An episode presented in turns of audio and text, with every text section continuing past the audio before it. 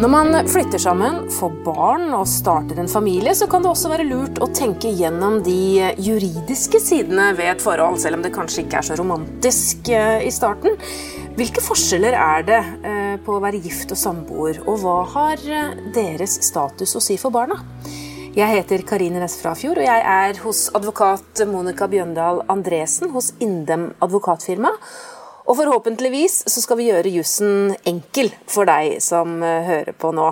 Monica, du er jo ekspert vi kan si det, på familierett. ja, ja, jeg jobber i hvert fall veldig mye med det. Ja. ja. og har jo selv barn og har vært gjennom samlivsbrudd. Og... Så dette kan du? Så det har jeg både kjent på kroppen selv og ja, jobber med til det daglige. Ja. Du, eh, rent juridisk, hva er det som er best? Gift eller samboer, eller er det det samme? Nei, det er jo ikke det samme. Eh, men eh, hva som er best, det er, jo, er det jo ikke noe svar på, rett og slett. For det må man jo nesten eh, kjenne på selv, på hva slags situasjon man er i. Så det er jo to forskjellige institutter. Dersom man er gift, så får man jo et formuesfellesskap. Som vil si at alt man da erverver etter at man har inngått ekteskapet, går inn i felleseie. Så alt man tjener inn og alt man bygger seg opp, vil jo da eh, bli delt mellom ektefellene mm. ved samlivsbrudd eller dødsfall. Mens samboere de opparbeider seg hvert sitt og tar med seg hvert sitt dersom det skulle bli samlivsbrudd. Så det er jo en vesentlig stor forskjell. Tror du folk er klar over dette? At man, altså at man har rettigheter når man er gift, eh, som man ikke har når man er samboer? Jeg tror vel at det er kjent for mange, i hvert fall. Men nå er jeg litt preget av at jeg eh, har studert juss og jobbet med juss i mange år. Så det er jo ikke sikkert at det er alle som er klar over den forskjellen. Mm. Og som min eh, far sa, er man samboer, så bør man ha en samboeravtale. Han definerte det som forskjellen på smarte og mindre smarte mennesker. Jeg vet ikke om det er tilfellet, men det er i hvert fall lurt å ha en samboeravtale.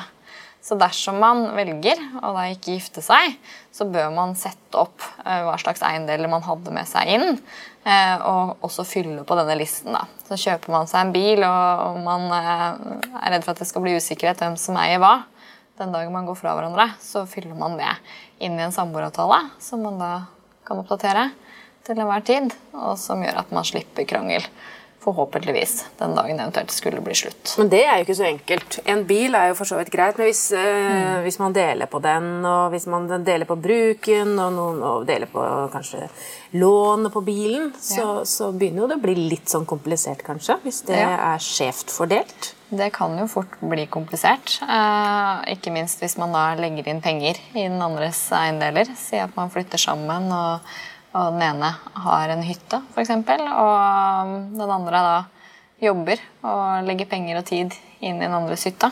Da er det jo sånn at uh, utgangspunktet, hvis man er samboere, så vil man da som, uh, som samboer som bidrar, ikke få noe igjen uh, fra dette her. Hvis ikke man da skriftlig har blitt enige om det i en mm. samboeravtale. Mens man som gifte vil stilles annerledes. For der er det sånn at hvis den ene eier en leilighet, og den andre flytter inn, så vil man da ta del i verdiøkningen på den boligen fra det tidspunktet hvor man da giftet seg. Men du, Tilbake litt til den samboeravtalen. Eh, for Vi vet jo at veldig mange er samboere. Mm. Eh, hvordan eh, starter man på å skaffe seg denne, denne avtalen? Det kan man laste ned på internett. Der fins det mange gode skjemaer man da kan ta i bruk. Og er jo ikke i utgangspunktet nødvendig eh, å oppsøke juridisk bistand. Vi tilbyr hjelp til eh, fastpris på, på 5000 for å lage en samboeravtale. Da får man jo rådgivning og, og, kan snakke med en advokat før man setter opp den avtalen. Men det er fint noe man klarer å ordne eh, selv. Må man så, ha vitner og Man trenger ingen vitner. Så der holder det med at eh, partene selv undertegner og har hvert sitt eksemplar av den avtalen. Mm.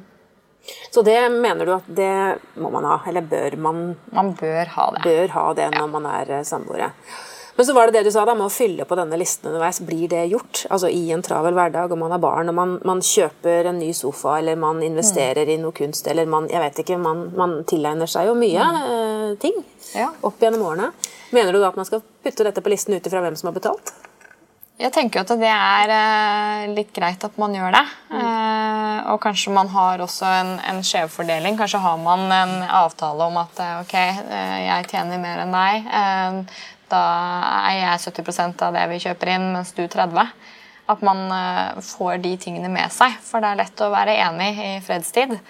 Men når ting da eventuelt tar slutt, så er det ikke sikkert man er like forent om hva som er blitt avtalt tidligere. Mm. Så det kan være veldig greit å få det med, ja. Men det er jo veldig lite romantisk da, å ta opp dette når man er nyforelska og akkurat har flytta sammen. Er det mange ja. som syns det er vanskelig?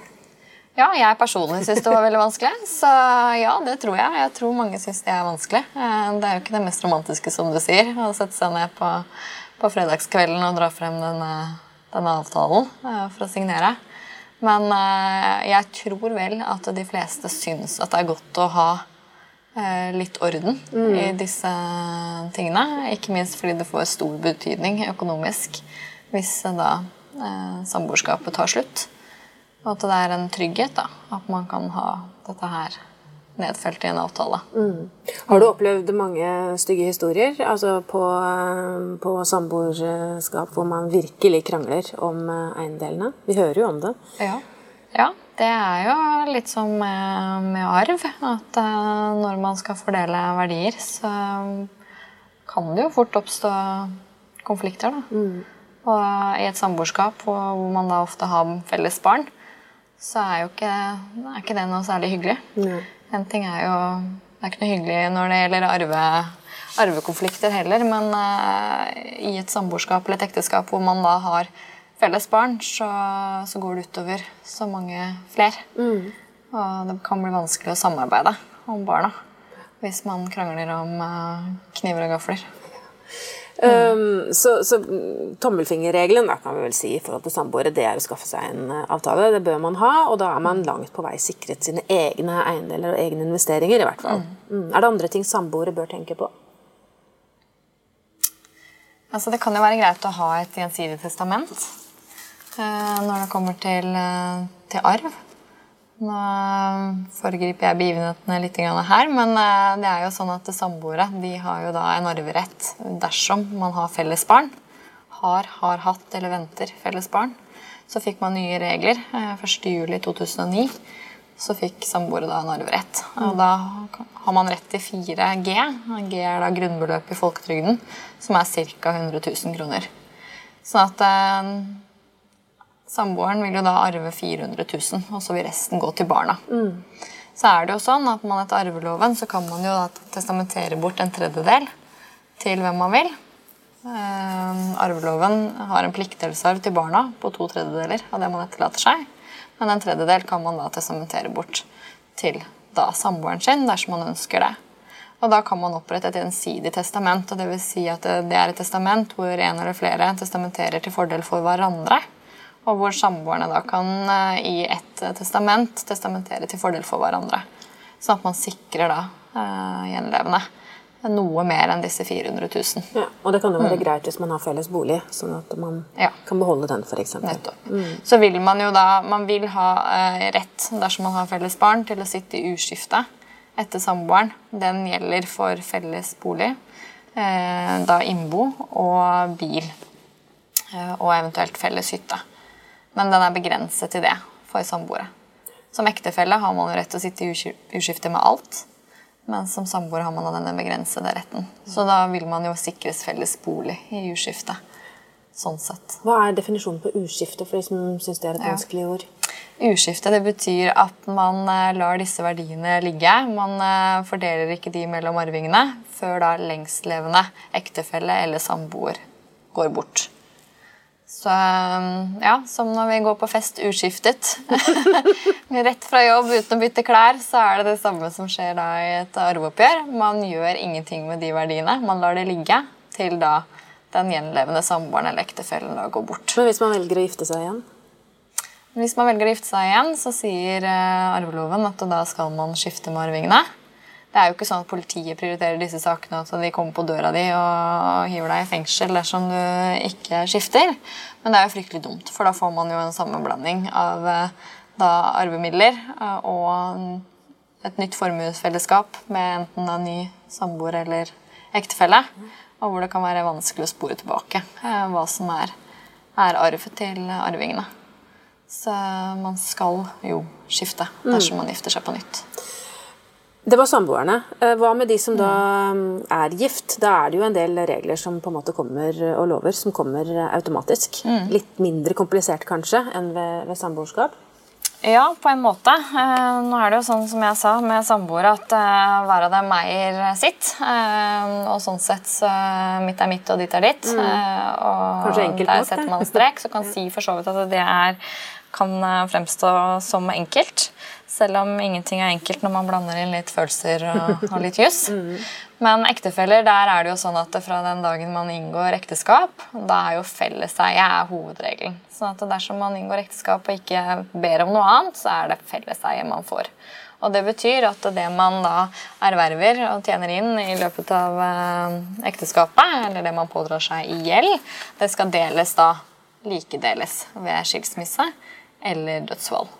Men hvis man har med seg noe inn, si man har en Ja. egen leilighet eller man har en slags formue, så kan det være lurt å få dokumentert det på et vis. Ja, Det som er, er at eh, man har eh, paragraf 59 i ekteskapsloven, som da eh, bestemmer at man kan skjevdele det man da har hatt med seg inn i ekteskapet, eller senere erverver ved gave eller arv fra andre enn ektefellen.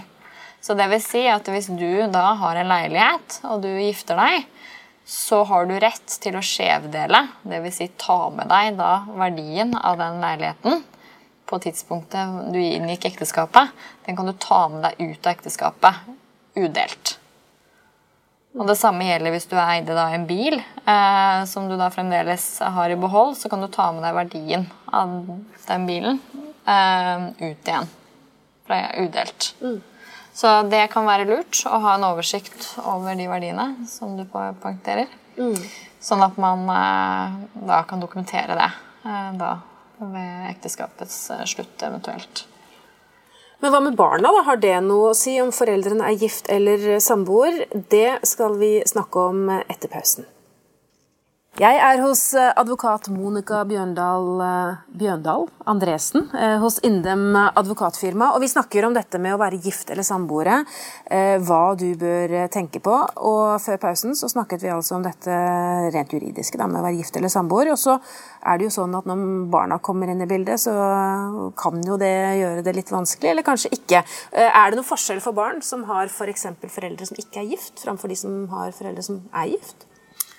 For barna så vil vel ikke de merke noe forskjell. Eh, men det er jo en del ting i forhold til foreldrene, eh, rettigheter, som, eh, som for så vidt har betydning for, for hele fellesskapet. Vi snakket jo litt før pausen om dette med felleseie kontra samboere, som mitt er mitt og ditt er ditt. Det er jo andre ting også som får betydning. Dersom man er ektefeller, så kan den ene kjøpe seg inn i den andres bolig uten at man trenger å betale dokumentavgift, f.eks. Mm. Så det er jo én økonomisk eh, konsekvens. Eh, og så har det jo betydning også for foreldrefradrag. Der er det jo sånn at man eh, også kan få foreldrefradrag for, for særkullsbarna til den andre dersom man er gift. Eh, og så vil det jo ha den konsekvens at man da som, som ektefelle så kan man ikke pantsette eller selge eh, eller leie bort eh, da eiendom eh, uten at den andre er enig. Så at man har på en måte en, en større økonomisk trygghet da, som ektefelle. Og som du da sier, når man da får barn, så kan det jo få stor betydning at man da har den tryggheten økonomisk, både da med felleseie og det at man har mer kontroll over, over partnerens eh, valg. Eh, når man da har blitt en familie og har et større ansvar. Og det kan jo også tenkes at man for en periode ønsker å være hjemme, eh, hjemmeværende, en av foreldrene. Eh, og sånn sett bidrar mer med omsorg enn inntjening av lønn. Og da har man jo også en felles underholdningsplikt som ektefelle, som man ikke har tilsvarende som samboer. Så det betyr jo at man da felles har et ansvar for å dra lasset, og at eh, omsorg inn i hjemmet er like mye verdt som inntjening av lønn. Men her kommer det også pensjonsspørsmål, og det er jo ganske mange sider ved det også. Det å være hjemme uten at vi skal gå veldig dypt inn i, i den diskusjonen. Men der bør man kanskje tenke seg litt om i forhold til det inntektstapet man pådrar Ja. seg. Og noen oppretter jo da sant, en, en pensjonssparing for, eh, for den ektefellen som en da eventuelt går hjemme for en periode. Men hvis man er samboer, får barn, så begynner du allerede på fødestua, egentlig. For da må jo pappaen dokumenteres. Det er noe som heter pater est-regelen. Hva, hva er det for noe? Ja, det høres jo Gammeldags ut. Gammeldags ut, ja, som mye, mye gjør. Ja. Eh, Pater est-regelen det er da en eh, paragraf i barneloven som sier at eh, far til barna er den som er gift med mor når barnet blir født. Og det vet vi jo at det er jo ikke alltid det stemmer. Nei. Men sånn er det. Eh, så Det sier faktisk loven. det sier loven. Og sånn er loven ennå. Og det kan jo få konsekvenser. Da. Så det betyr jo at man da rent rettslig er far til det barnet. eh, Selv om det da eventuelt kommer frem at, eh, at mor da kanskje eh, har da fått barn med en annen. Mm. Om man ikke vet om dette her. Eh, men dersom man da ikke er gift, for som ektefelle, så må vi jo da gå ut ifra at de aller fleste ganger så stemmer den pater est-regelen. Mm. Og da vil man jo da ikke ha noe behov for å fylle ut noen skjemaer eh, for farskap, for dette går av seg selv og ved at man er gift. Men dersom man er samboer, så må man jo da sørge for at far får fylt ut eh, disse skjemaene, eh, som da, hvor far vedkjenner seg farskapet. Så alle fedre som ikke er gift, må rett og slett skrive under på at de er far til barna? Ja, det stemmer. Hvor, hvordan skjer det? Skjer det på fødestua? På sykehuset, eller? Ja, slik jeg har forstått det, så skal man jo da få disse skjemaene i hendene eh, på fødestua. Det skjedde ikke for vårt tilfelle, så jeg fikk utfordringer selv når jeg skulle sende inn krav om barnetrygd, for da viste det seg at min sønn ikke hadde noen pappa. Så vi måtte sørge for dette her i etterkant, eh, men det skal i utgangspunktet gjøres. Så din eks var heller ikke klar over det? At han måtte, at han måtte skrive under? Det var det ingen av oss som visste, før vi da kom i kontakt med Nav og fikk utfordringer der. Så alle menn der ute bør være klar over, i hvert fall de samboende, bør være klar over at dette må de få, få gjort, rett og slett. Ja. Mm. Er det andre ting i forhold til eh, samboerskap, altså barn da, av samboende, er det noe de eh, ikke har av rettigheter som barn av gifte har? Nei, for barna eh, vil det jo ikke ha noen betydning. De vil jo ikke eh, sånn sett legge merke til om foreldrene er samboere eller ektefeller. Så eh, det har jo eh, disse konsekvensene som vi har vært innom. Og også rent arverettslig så vil det jo ha eh, konsekvenser. Som jeg sa, så kan man jo som samboere lage et, eh, et gjensidig testament hvor man utvider arveretten til, til samboeren sin. Et, dersom man er ektefeller, så vil man jo ha en større arverett etter arveloven. Der er det jo sånn at eh, ektefellen eh, arver en fjerdedel av det som eh, man etterlater seg. Minimum 4G. Så Der går da disse 4G-ene går foran andre arvingers arverett. Så dersom det kun er 400 000 i boet, eh, så vil jo da ektefellen arve alt.